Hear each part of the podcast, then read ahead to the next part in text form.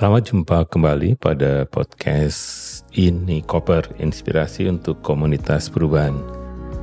Kali ini saya ingin berbagi tentang bagaimana kita membangun percakapan yang bagus. Percakapan adalah bagian paling penting pada proses fasilitasi. Jadi di sini sebenarnya yang ingin saya bahas elemen-elemen yang harusnya kita perhatikan dalam membangun percakapan yang keren. Yang pertama adalah voices, suara. Suara dari siapa yang terlibat di dalam percakapan-percakapan yang akan kita lakukan. Harapannya, kalau kita dalam kelompok yang kecil, voice itu tidak perlu menggunakan uh, teknologi atau alat bantu.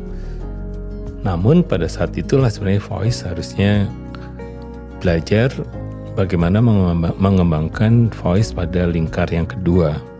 Karena bisa jadi voice-nya hanya untuk dirinya sendiri terlampau lemah sehingga tidak mencapai siapa yang sebenarnya diajak untuk bercakap-cakap. Nah, yang kedua adalah idenya apa yang ingin disampaikan. Nah, ide ini bisa dalam bentuk konkret, bisa juga dalam bentuk abstrak. Biasanya untuk kita bisa mendiskusikan sesuatu, kita bisa berangkat dari pertanyaan apa dulu ya, apa yang ingin kita bahas. Baru kemudian ada pertanyaan, mau ke abstrak tuh dengan pertanyaan mengapa sedangkan pertanyaan bagaimana itu untuk membuat ide itu menjadi lebih konkret. Nah, yang ketiga adalah vibes-nya. Bagaimana energi yang akan muncul di dalam percakapan itu. Mau fun, mau serius atau mau yang lainnya. Nah, yang yang vibes ini sebenarnya tergantung dari peran fasilitator yang bisa membuat suasana menjadi lebih nyaman, rileks, dan membuat orang juga bisa menyampaikan gagasannya dengan baik. Nah, yang keempat itu adalah connection. Bagaimana orang-orang yang bercakap-cakap tidak hanya mempercakapkan konten atau idenya saja, tetapi heartnya, emosinya itu juga terkoneksi. Kalau memang ingin menyimak, atau mendengarkan apa yang disampaikan orang, betul-betul kita sedang mendengarkan, bukan sedang sibuk memikirkan apa yang ingin saya sampaikan setelah orang ini bicara.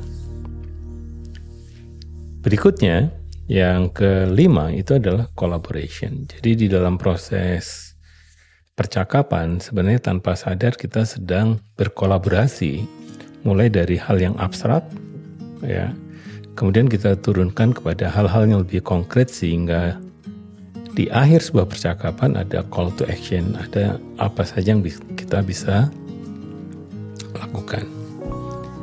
Yang keenam adalah listening. Listening adalah bukan sekedar mendengarkan ya, tetapi juga bisa melakukan active listening. Apa itu active listening? Kita memulai dengan melakukan misalnya parafrase. Parafrase adalah sign bahwa kita mendengarkan apa yang disampaikan oleh orang. Bisa menyatakan kata-kata yang tertarik untuk untuk di apa di diberikan konfirmasinya dan kemudian kalau konfirmasinya juga salah itu ada manfaatnya juga karena si pembicara itu akan mengoreksikan, akan memberikan koreksi atas apa yang diterima oleh kita. Tetapi kalau sudah betul apa yang menjadi konten parafrasenya, kita bisa minta apakah ada hal lain yang bisa kita dengar dari gagasan Anda. Nah, yang ke enam itu adalah emotion. Tadi yang saya sebutkan ya bahwa sebenarnya di connection itu yang berpengaruh emotion. Nah, emotion ini penting karena pada saat bercerita apakah orang hanya menyatakan pikirannya saja atau pikiran plus mata yang berbinar-binar atau pikiran plus keraguan-raguan atau pikiran plus kesedihan bisa seperti itu.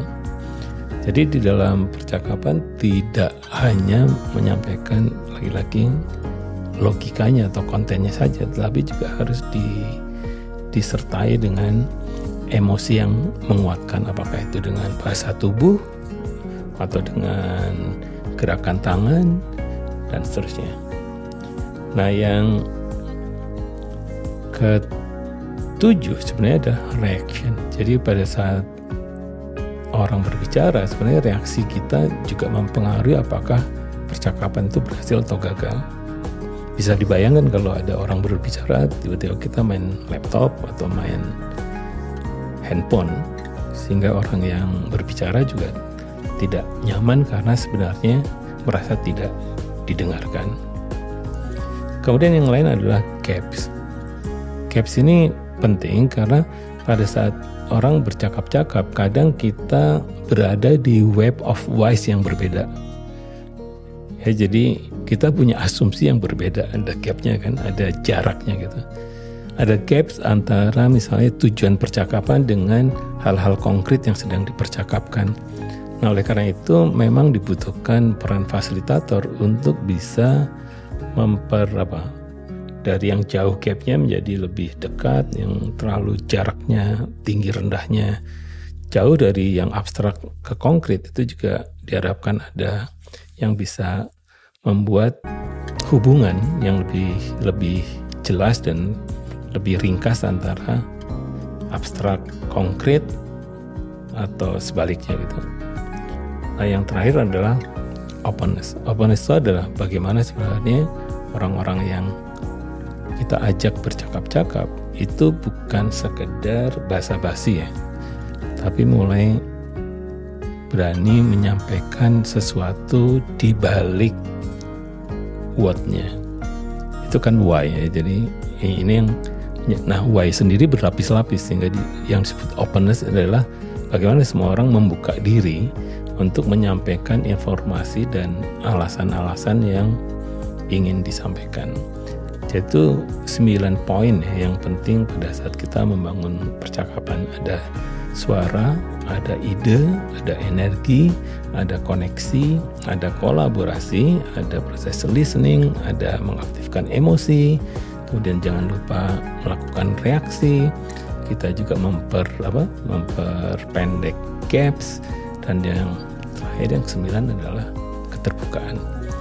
Itu saja ini koper edisi kali ini. Kami percaya bahwa berbagi pengetahuan dan keterampilan akan bermanfaat bagi komunitas perubahan. Sampai jumpa pada edisi berikutnya.